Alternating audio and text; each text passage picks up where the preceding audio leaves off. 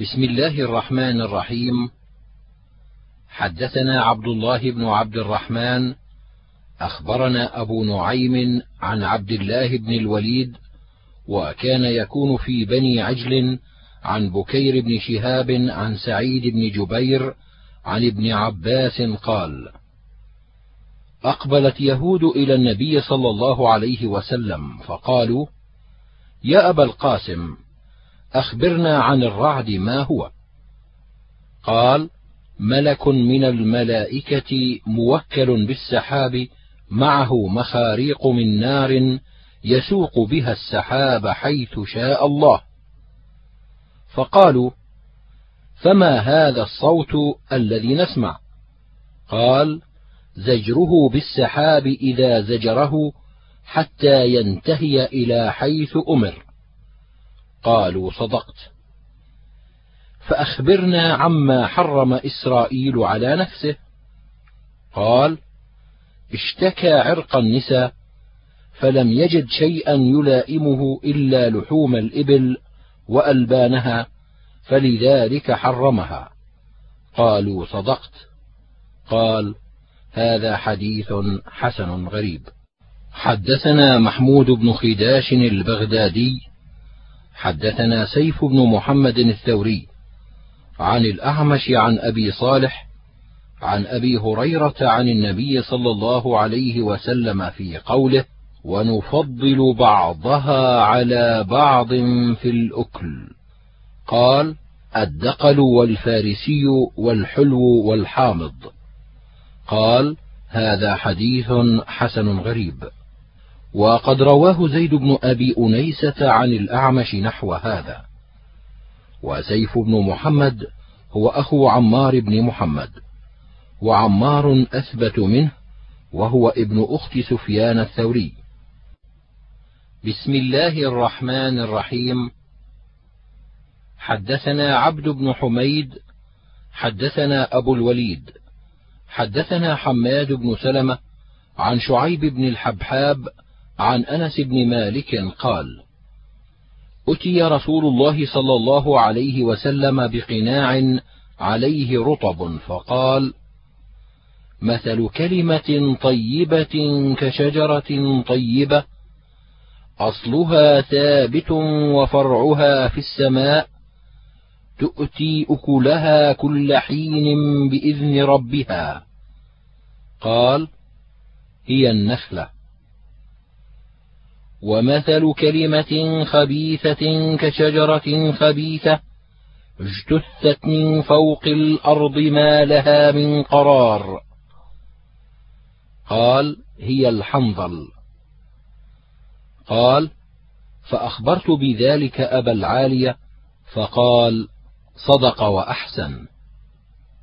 حدثنا قتيبة حدثنا أبو بكر بن شعيب بن الحبحاب عن أبيه عن أنس بن مالك نحوه بمعناه ولم يرفعه ولم يذكر قول أبي العالية وهذا أصح من حديث حماد بن سلمة. وروى غير واحد مثل هذا موقوفا ولا نعلم أحدا رفعه غير حماد بن سلمة. ورواه معمر وحماد بن زيد وغير واحد ولم يرفعوه.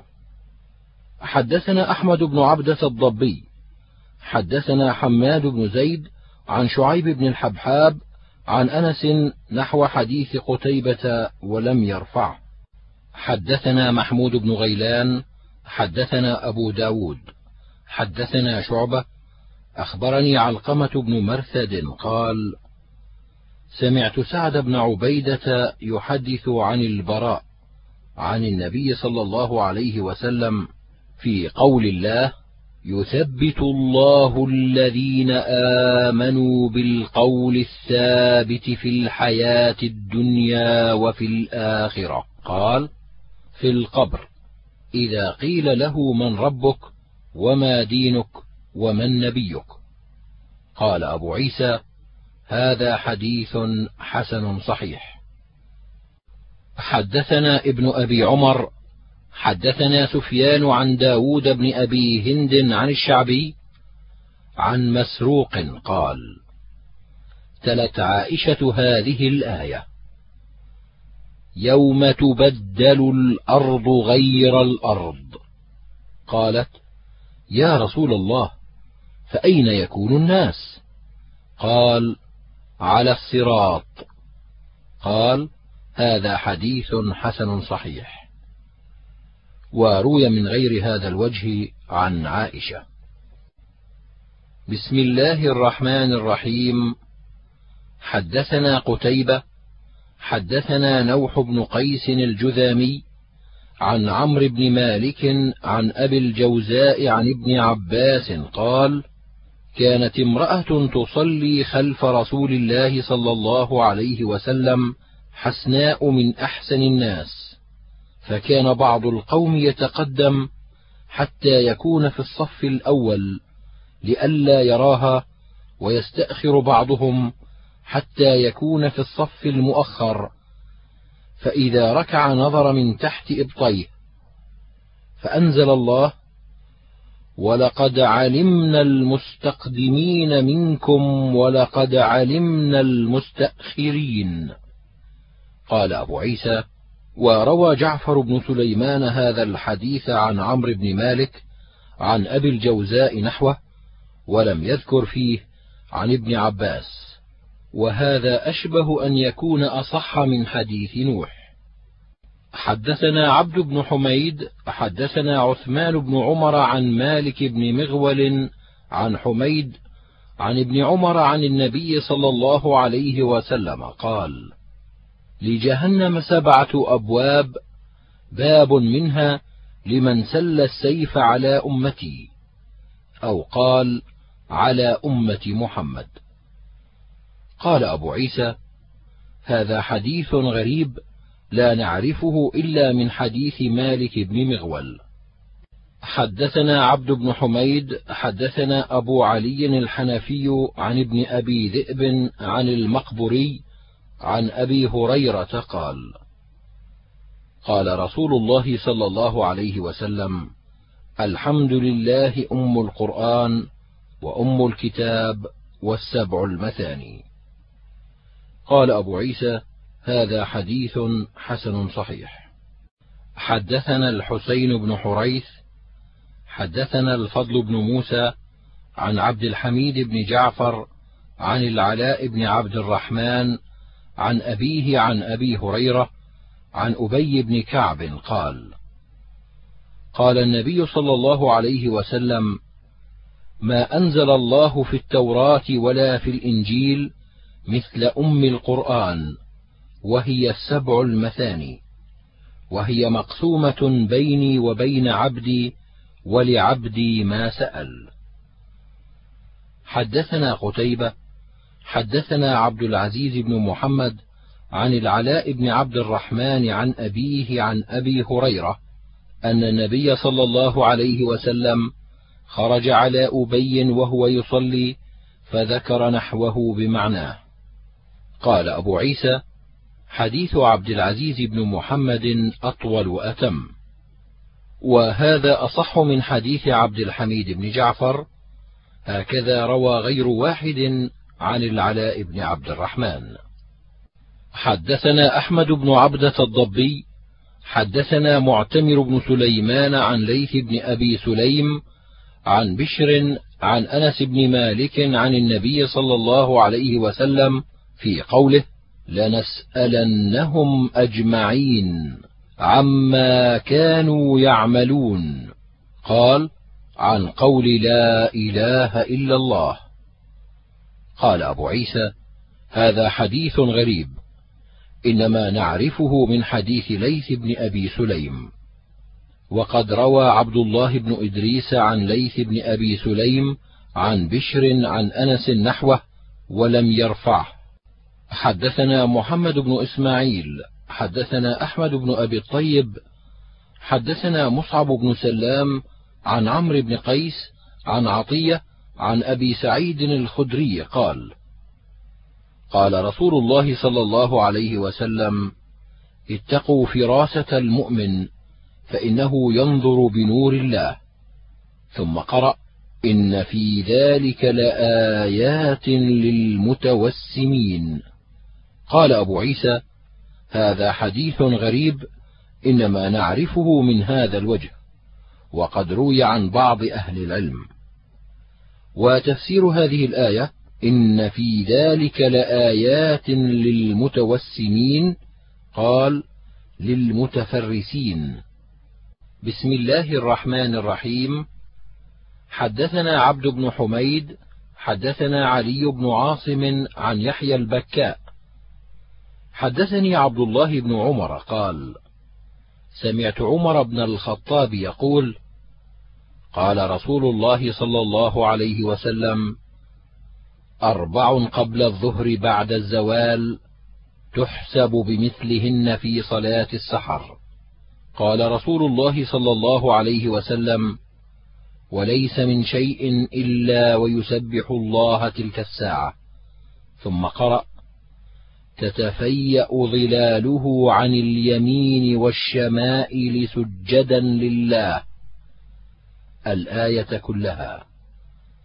قال أبو عيسى هذا حديث غريب لا نعرفه إلا من حديث علي بن عاصم.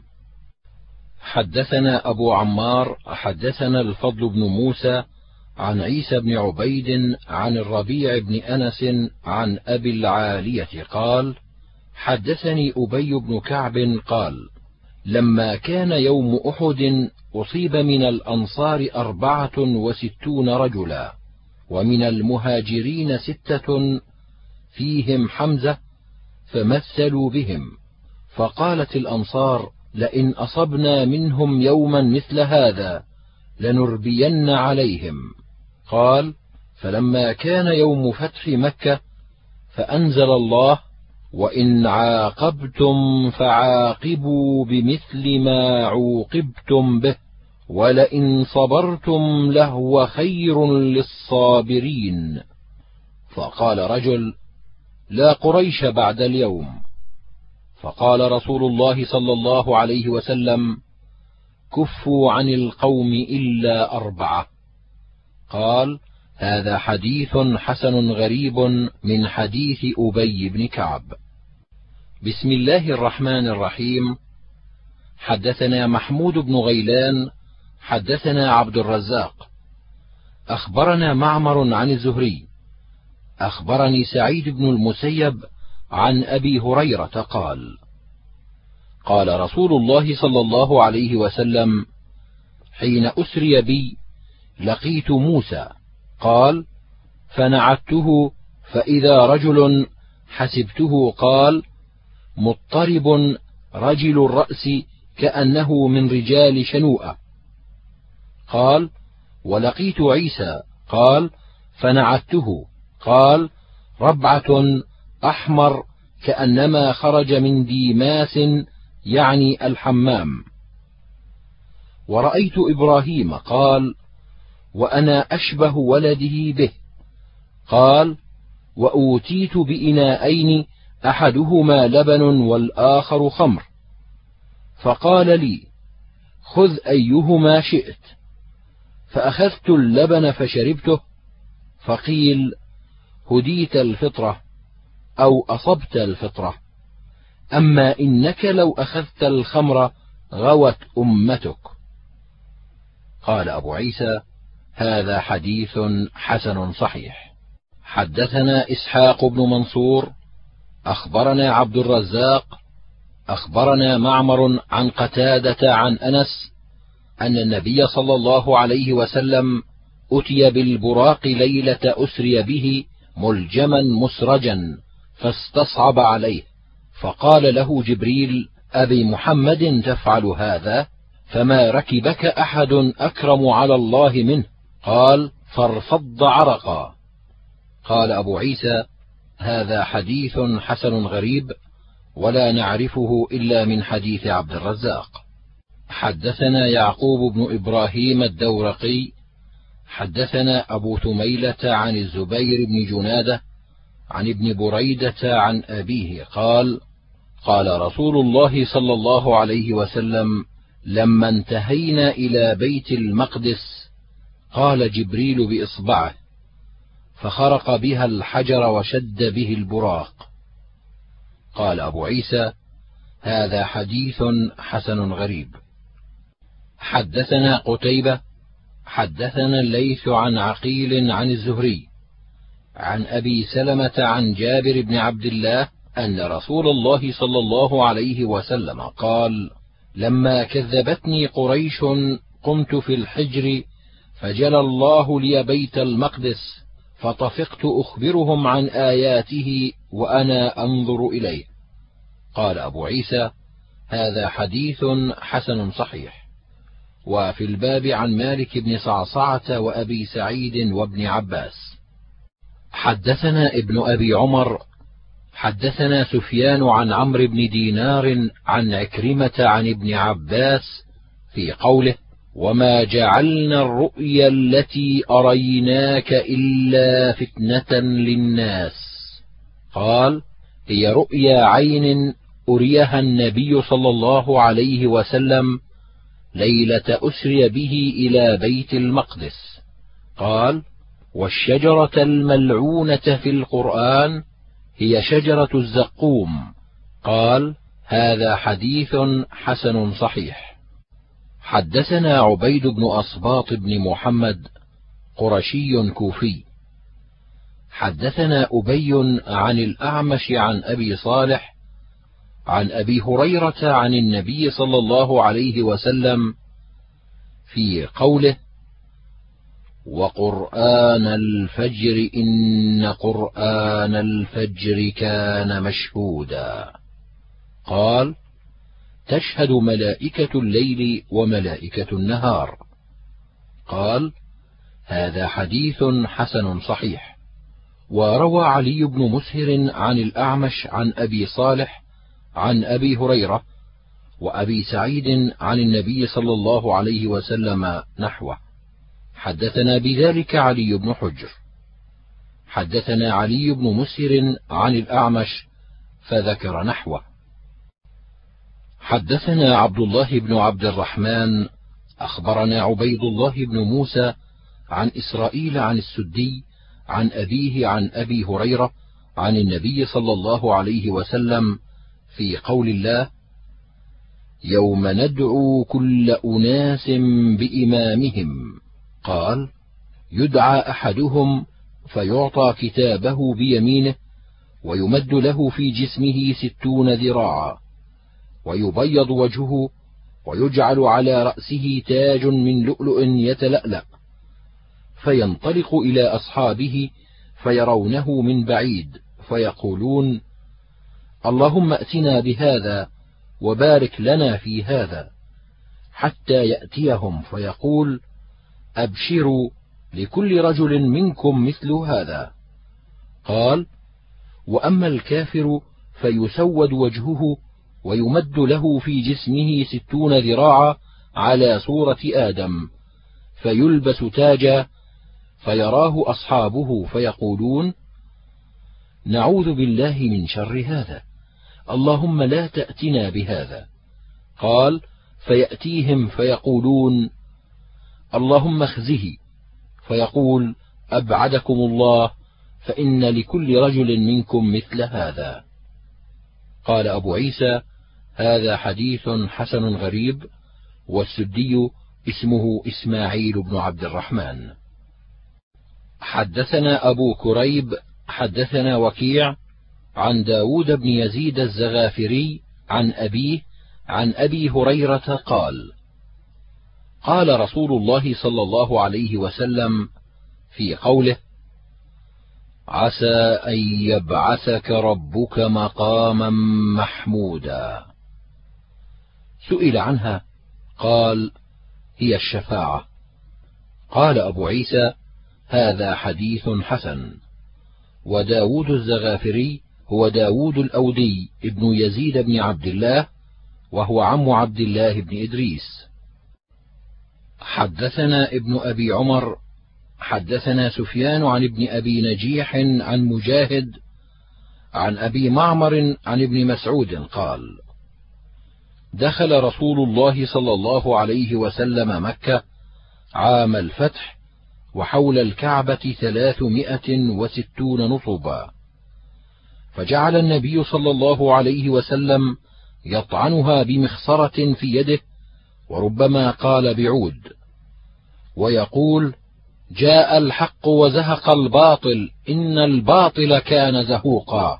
جاء الحق وما يبدئ الباطل وما يعيد. قال هذا حديث حسن صحيح وفيه عن ابن عمر. حدثنا أحمد بن منيع حدثنا جرير عن قابوس بن أبي ظبيان عن أبيه عن ابن عباس قال كان النبي صلى الله عليه وسلم بمكة ثم أمر بالهجرة فنزلت عليه وقل رب أدخلني مدخل صدق وأخرجني مخرج صدق واجعل لي من لدنك سلطانا نصيرا. قال أبو عيسى هذا حديث حسن صحيح. حدثنا قتيبة حدثنا يحيى بن زكريا بن أبي زائدة عن داود بن أبي هند عن عكرمة عن ابن عباس قال قالت قريش ليهود أعطونا شيئا نسأل هذا الرجل. فقال سلوه عن الروح. قال فسألوه عن الروح. فأنزل الله ويسألونك عن الروح قل الروح من أمر ربي وما أوتيتم من العلم إلا قليلا. قالوا أوتينا علما كثيرا التوراة. ومن أوتي التوراة فقد أوتي خيرا كثيرا. فأنزلت قل لو كان البحر مدادا لكلمات ربي لنفذ البحر إلى آخر الآية. قال هذا حديث حسن صحيح غريب من هذا الوجه. حدثنا علي بن خشرم أخبرنا عيسى بن يونس عن الأعمش عن إبراهيم عن علقمة. عن عبد الله قال كنت أمشي مع النبي صلى الله عليه وسلم في حرث بالمدينة وهو يتوكأ على عسيب فمر بنفر من اليهود. فقال بعضهم لو سألتموه. فقال بعضهم لا تسألوه فإنه يسمعكم ما تكرهون. فقالوا له يا أبا القاسم حدثنا عن الروح.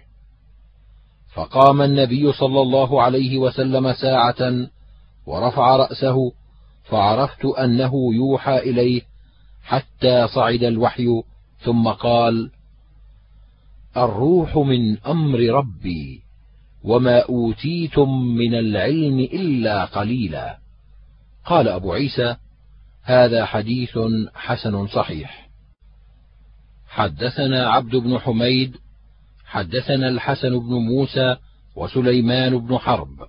قالا حدثنا حماد بن سلمة عن علي بن زيد عن أوس بن خالد عن أبي هريرة قال قال رسول الله صلى الله عليه وسلم يحشر الناس يوم القيامة ثلاثة أصناف صنفا مشاة وصنفا ركبانا وصنفا على وجوههم.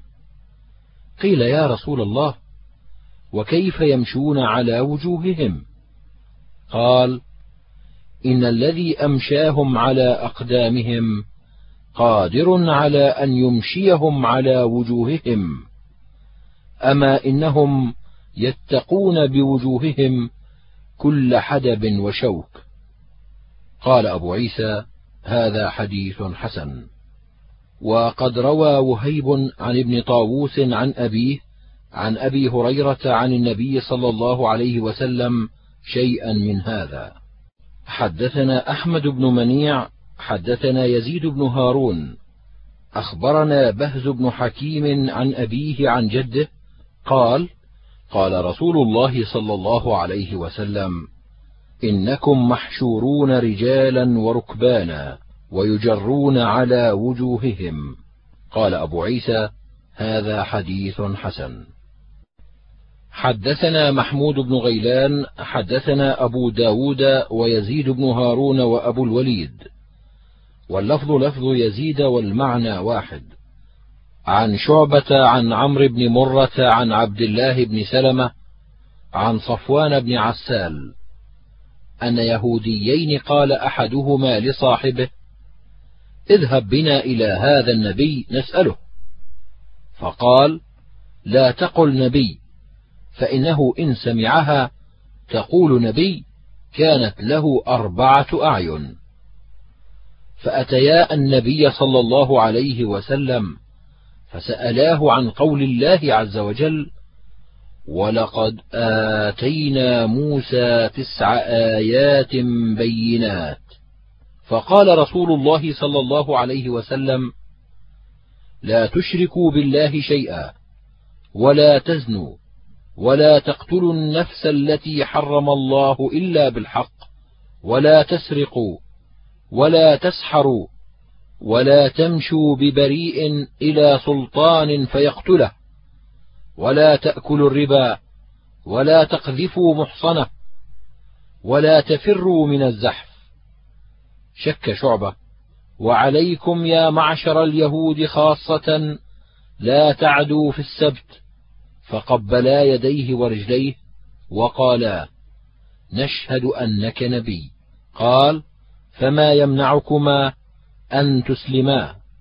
قالا إن داود دعا الله أن لا يزال في ذريته نبي. وإنا نخاف إن أسلمنا أن تقتلنا اليهود. قال هذا حديث حسن صحيح. حدثنا عبد بن حميد حدثنا سليمان بن داود عن شعبة عن أبي بشر عن سعيد بن جبير عن ابن عباس. ولا تجهر بصلاتك؟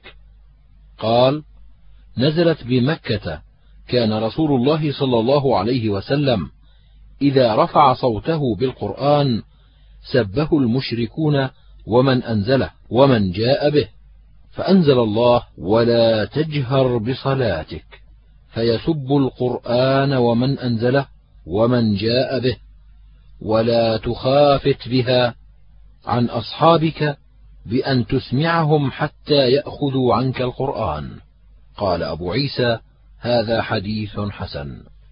حدثنا أحمد بن منيع حدثنا هشيم حدثنا أبو بشر عن سعيد بن جبير عن ابن عباس في قوله ولا تجهر بصلاتك ولا تخافت بها وابتغ بين ذلك سبيلا قال نزلت ورسول الله صلى الله عليه وسلم مختف بمكة فكان إذا صلى بأصحابه رفع صوته بالقرآن فكان المشركون إذا سمعوه شتموا القرآن ومن أنزله ومن جاء به فقال الله لنبيه ولا تجهر بصلاتك أي بقراءتك فيسمع المشركون فيسب القرآن ولا تخافت بها عن أصحابك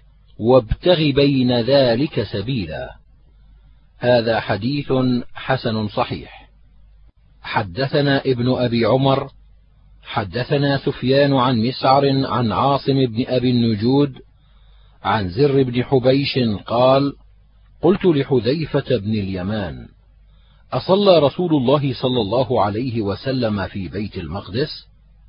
قال: لا. قلت: بلى. قال: أنت تقول ذاك يا أصلع؟ بما تقول ذلك؟ قلت: بالقرآن بيني وبينك القرآن. فقال حذيفة: من احتج بالقرآن فقد قال سفيان يقول فقد احتج وربما قال أفلح فقال سبحان الذي أسرى بعبده ليلا من المسجد الحرام إلى المسجد الأقصى قال أفتراه صلى فيه؟ قلت لا. قال لو صلى فيه لكتب عليكم فيه الصلاة كما كتبت الصلاة في المسجد الحرام. قال حذيفة أتي رسول الله صلى الله عليه وسلم بدابة طويل الظهر ممدود هكذا خطوه مد بصره. فما زايلا ظهر البراق حتى رأيا الجنة والنار ووعد الآخرة أجمع. ثم رجعا عودهما على بدئهما. قال ويتحدثون أنه ربطه. لم؟ أيفر منه؟ وإنما سخره له عالم الغيب والشهادة. قال أبو عيسى هذا حديث حسن صحيح. حدثنا ابن أبي عمر حدثنا سفيان عن علي بن زيد بن جدعان عن أبي نضرة عن أبي سعيد قال قال رسول الله صلى الله عليه وسلم أنا سيد ولد آدم يوم القيامة ولا فخر وبيدي لواء الحمد ولا فخر وما من نبي يومئذ آدم فمن سواه إلا تحت لوائي. وأنا أول من تنشق عنه الأرض ولا فخر. قال فيفزع الناس ثلاث فزعات فيأتون آدم. فيقولون أنت أبونا آدم فاشفع لنا إلى ربك. فيقول إني أذنبت ذنبا أهبطت منه إلى الأرض. ولكن ائتوا نوحا فيأتون نوحا. فيقول إني دعوت على أهل الأرض دعوة فأهلكوا ولكن اذهبوا إلى إبراهيم فيأتون إبراهيم فيقول إني كذبت ثلاث كذبات ثم قال رسول الله صلى الله عليه وسلم ما منها كذبة إلا ما حل بها عن دين الله ولكن ائتوا موسى. فيأتون موسى فيقول إني قد قتلت نفسا. ولكن ائتوا عيسى.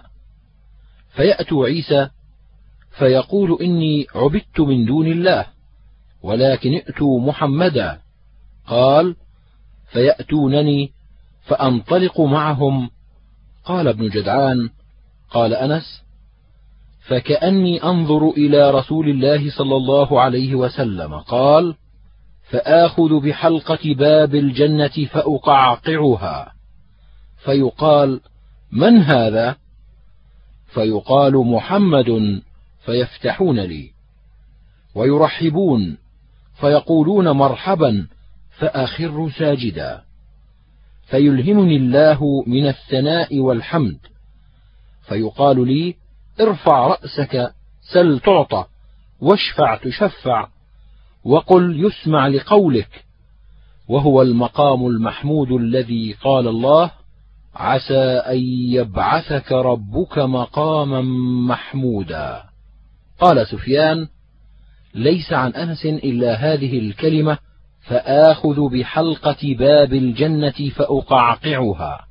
قال أبو عيسى هذا حديث حسن صحيح. وقد روى بعضهم هذا الحديث عن أبي نضرة عن ابن عباس الحديث بطوله. بسم الله الرحمن الرحيم. حدثنا ابن أبي عمر حدثنا سفيان عن عمرو بن دينار عن سعيد بن جبير قال قلت لابن عباس إن نوفا البكالي يزعم أن موسى صاحب بني إسرائيل ليس بموسى صاحب الخضر. قال كذب عدو الله. سمعت أبي بن كعب يقول سمعت رسول الله صلى الله عليه وسلم يقول قام موسى خطيبا في بني إسرائيل فسئل أي الناس أعلم؟ فقال أنا أعلم. فعتب الله عليه إذ لم يرد العلم إليه.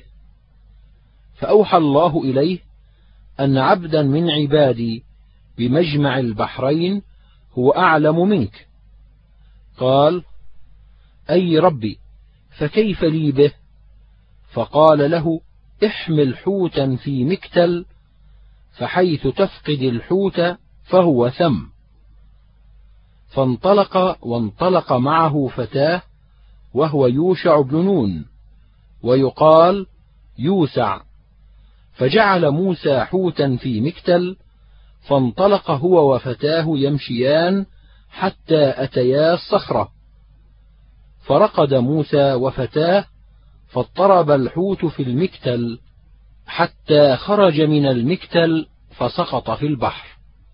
قال وأمسك الله عنه جرية الماء حتى كان مثل الطاق وكان للحوت سربا وكان لموسى ولفتاه عجبا.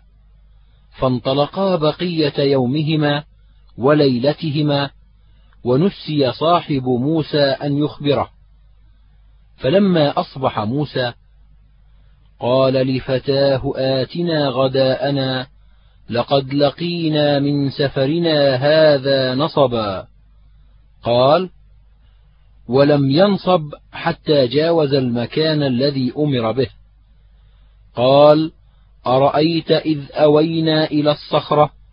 فإني نسيت الحوت وما أنسانيه إلا الشيطان أن أذكره. واتخذ سبيله في البحر عجبا. قال موسى ذلك ما كنا نبغ فارتدا على آثارهما قصصا. قال فكانا يقصان آثارهما. قال قال سفيان يزعم ناس أن تلك الصخرة عندها عين الحياة ولا يصيب ماؤها ميتا إلا عاش. قال وكان الحوت قد أكل منه فلما قطر عليه الماء عاش. قال فقصا آثارهما حتى أتيا الصخرة فرأى رجلا مسجى عليه بثوب فسلم عليه موسى فقال إني بأرضك السلام. قال أنا موسى. قال موسى بني إسرائيل؟ قال نعم. قال يا موسى إنك على علم من علم الله علمكه لا أعلمه وأنا على علم من علم الله علمنيه لا تعلمه. فقال موسى هل أتبعك على أن تعلمني مما علمت رشدا. قال إنك لن تستطيع معي صبرا وكيف تصبر على ما لم تحط به خبرا؟ قال ستجدني إن شاء الله صابرا ولا أعصي لك أمرا. قال له الخضر فإن اتبعتني فلا تسألني عن شيء حتى أحدث لك منه ذكرا. قال نعم.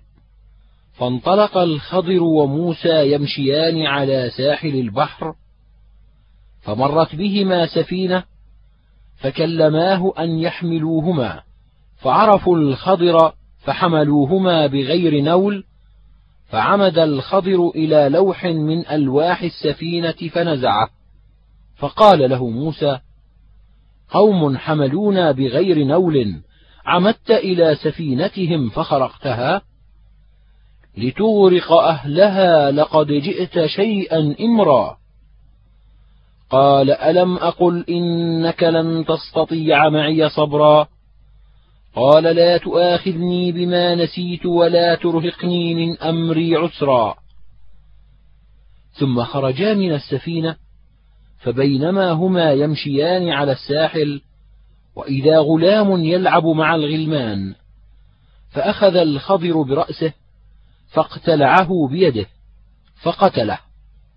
قال له موسى أقتلت نفسا زكية بغير نفس؟ لقد جئت شيئا نكرا. قال ألم أقل لك إنك لن تستطيع معي صبرا؟ قال وهذه أشد من الأولى. قال إن سألتك عن شيء بعدها فلا تصاحبني. قد بلغت من لدني عذرا. فانطلقا حتى إذا أتيا أهل قرية استطعما أهلها فأبوا أن يضيفوهما فوجدا فيها جدارا يريد أن ينقض. يقول مائل. فقال الخضر بيده هكذا. فأقامه. فقال له موسى قوم أتيناهم فلم يضيفونا ولم يطعمونا. لو شئت لاتخذت عليه أجرا. قال هذا فراق بيني وبينك سأنبئك بتأويل ما لم تستطع عليه صبرا. قال رسول الله صلى الله عليه وسلم يرحم الله موسى لوددنا أنه كان صبر حتى يقص علينا من أخبارهما. قال وقال رسول الله صلى الله عليه وسلم الأولى كان من موسى نسيان. قال وجاء عصفور حتى وقع على حرف السفينة ثم نقر في البحر. فقال له الخضر ما نقص علمي وعلمك من علم الله إلا مثل ما نقص هذا العصفور من البحر. قال سعيد بن جبير وكان يعني ابن عباس يقرأ وكان أمامهم ملك يأخذ كل سفينة صالحة غصبا وكان يقرأ وأما الغلام فكان كافرا.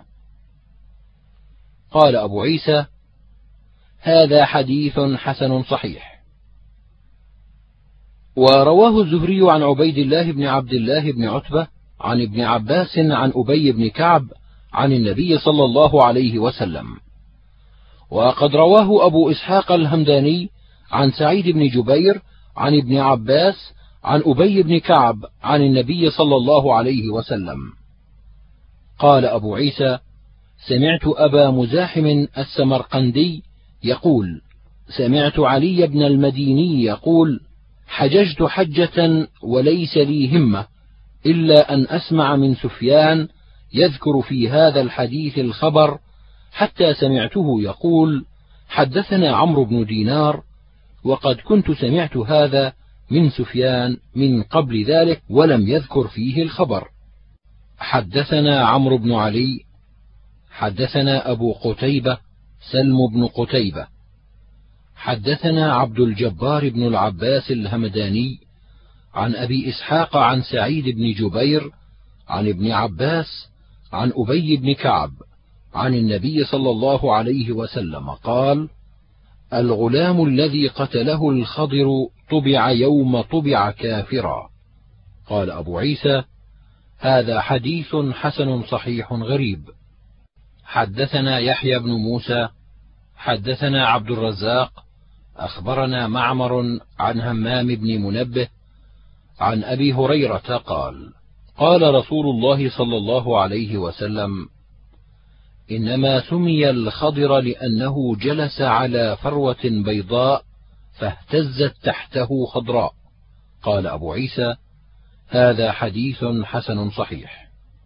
حدثنا جعفر بن محمد بن فضيل الجزري وغير واحد قالوا حدثنا صفوان بن صالح حدثنا الوليد بن مسلم عن يزيد بن يوسف الصنعاني عن مكحول عن أم الدرداء عن أبي الدرداء عن النبي صلى الله عليه وسلم في قوله وكان تحته كنز لهما قال ذهب وفضة حدثنا الحسن بن علي حدثنا صفوان بن صالح حدثنا الوليد عن يزيد بن يوسف الصنعاني عن يزيد بن يزيد بن جابر عن مكحول بهذا الإسناد نحوه. قال أبو عيسى هذا حديث غريب. حدثنا محمد بن بشار وغير واحد واللفظ لابن بشار. قالوا حدثنا هشام بن عبد الملك حدثنا أبو عوانة عن قتادة عن أبي رافع من حديث أبي هريرة عن النبي صلى الله عليه وسلم في السد قال يحفرونه كل يوم حتى إذا كادوا يخرقونه. قال الذي عليهم ارجعوا فستخرقونه غدا فيعيده الله كأشد ما كان حتى إذا بلغ مدتهم وأراد الله أن يبعثهم على الناس قال الذي عليهم ارجعوا فستخرقونه غدا إن شاء الله. واستثنى.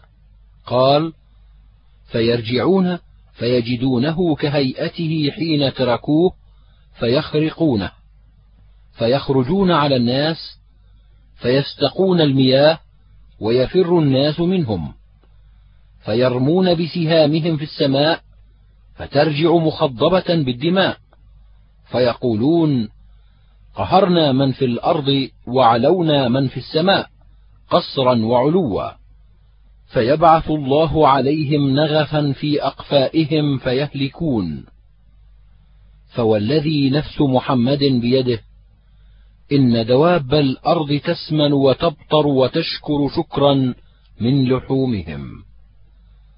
قال أبو عيسى هذا حديث حسن غريب إنما نعرفه من هذا الوجه مثل هذا. حدثنا محمد بن بشار وغير واحد. قالوا حدثنا محمد بن بكر البرساني عن عبد الحميد بن جعفر. أخبرني أبي عن ابن ميناء عن أبي سعد بن أبي فضالة الأنصاري. وكان من الصحابة قال سمعت رسول الله صلى الله عليه وسلم يقول إذا جمع الله الناس يوم القيامة ليوم لا ريب فيه نادى مناد من كان أشرك في عمل عمله لله أحدا فليطلب ثوابه من عند غير الله فإن الله أغنى الشركاء عن الشرك. قال أبو عيسى هذا حديث حسن غريب لا نعرفه إلا من حديث محمد بن بكر. بسم الله الرحمن الرحيم. حدثنا أبو سعيد الأشج ومحمد بن المثنى قالا حدثنا ابن إدريس عن أبيه عن سماك بن حرب عن علقمة بن وائل عن المغيرة بن شعبة قال بعثني رسول الله صلى الله عليه وسلم إلى نجران فقالوا لي ألستم تقرؤون يا أخت هارون؟ وقد كان بين عيسى وموسى ما كان فلم أدر ما أجيبهم.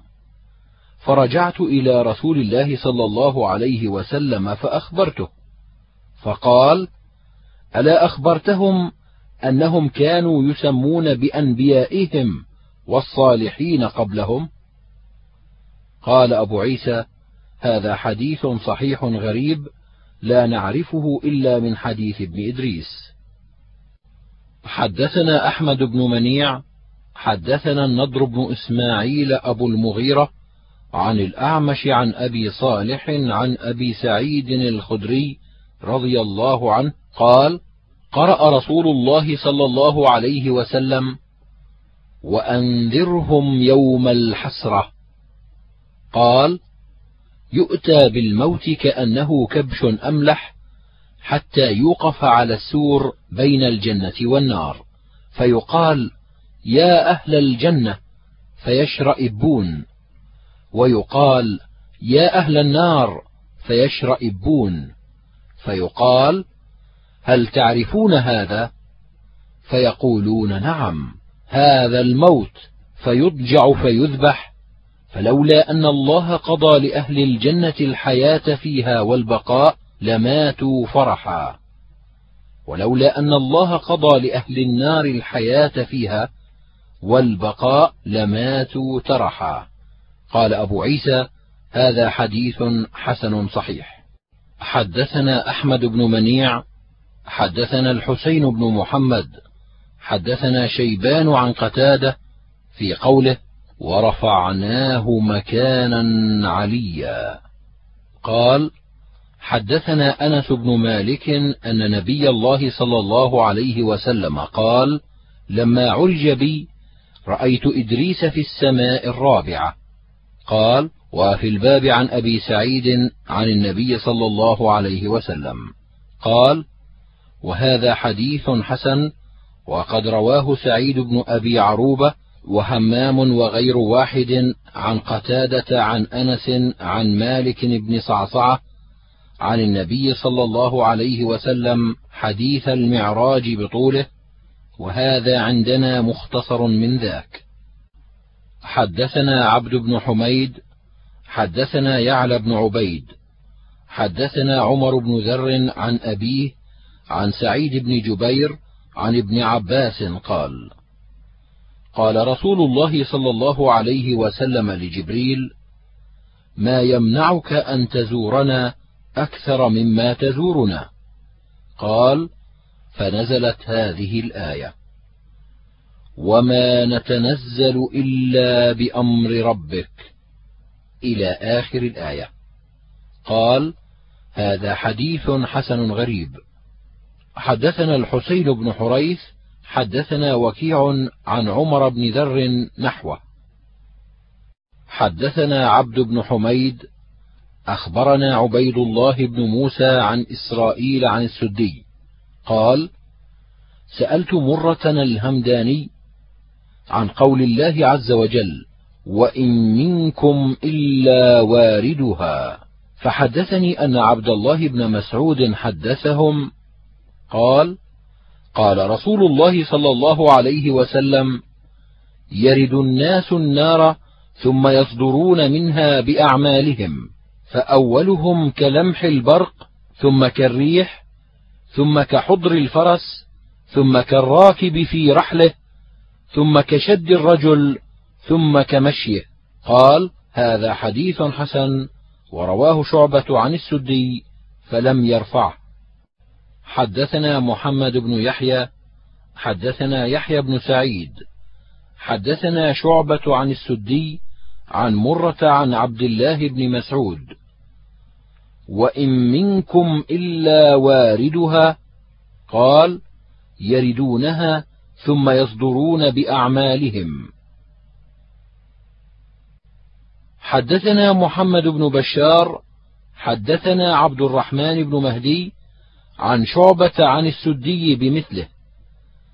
قال عبد الرحمن قلت لشعبة إن إسرائيل حدثني عن السدي عن مرة عن عبد الله عن النبي صلى الله عليه وسلم. قال شعبة وقد سمعته من السدي مرفوعا ولكني عمدا أدعه. حدثنا قتيبة حدثنا عبد العزيز بن محمد عن سهيل بن أبي صالح عن أبيه عن أبي هريرة أن رسول الله صلى الله عليه وسلم قال إذا أحب الله عبدا نادى جبريل إني قد أحببت فلانا فأحبه. قال فينادي في السماء ثم تنزل له المحبة في أهل الأرض فذلك قول الله. إن الذين آمنوا وعملوا الصالحات سيجعل لهم الرحمن ودا. وإذا أبغض الله عبدا نادى جبريل إني أبغضت فلانا فينادي في السماء ثم تنزل له البغضاء في الأرض. قال أبو عيسى هذا حديث حسن صحيح. وقد روى عبد الرحمن بن عبد الله بن دينار عن أبيه عن أبي صالح عن أبي هريرة عن النبي صلى الله عليه وسلم نحو هذا.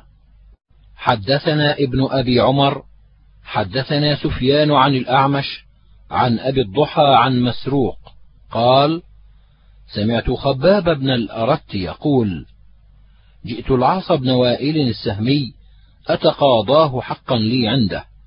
فقال لا أعطيك حتى تكفر بمحمد. فقلت لا حتى تموت ثم تبعث.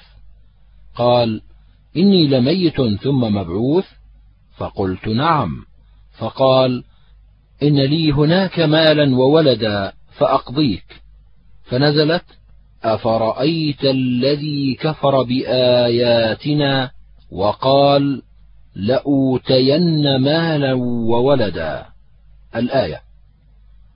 حدثنا هناد حدثنا أبو معاوية عن الأعمش نحوه. قال هذا حديث حسن صحيح. بسم الله الرحمن الرحيم. حدثنا محمود بن غيلان حدثنا النضر بن شميل أخبرنا صالح بن أبي الأخضر عن الزهري عن سعيد بن المسيب عن أبي هريرة قال لما قفل رسول الله صلى الله عليه وسلم من خيبر أسرى ليلة حتى أدركه الكرى أناخ فعرس ثم قال يا بلال اكلأ لنا الليلة. قال فصلى بلال. ثم تساند إلى راحلته مستقبل الفجر فغلبته عيناه فنام فلم يستيقظ أحد منهم وكان أولهم استيقاظا النبي صلى الله عليه وسلم. فقال أي بلال؟ فقال بلال بأبي أنت يا رسول الله أخذ بنفس الذي أخذ بنفسك.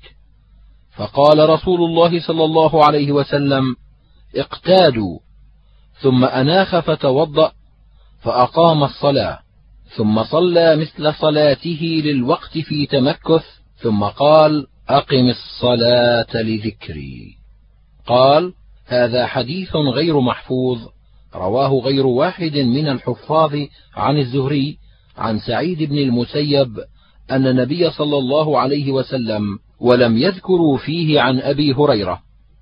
وصالح بن أبي الأخضر يضعف في الحديث ضعفه يحيى بن سعيد القطان وغيره من قبل حفظه.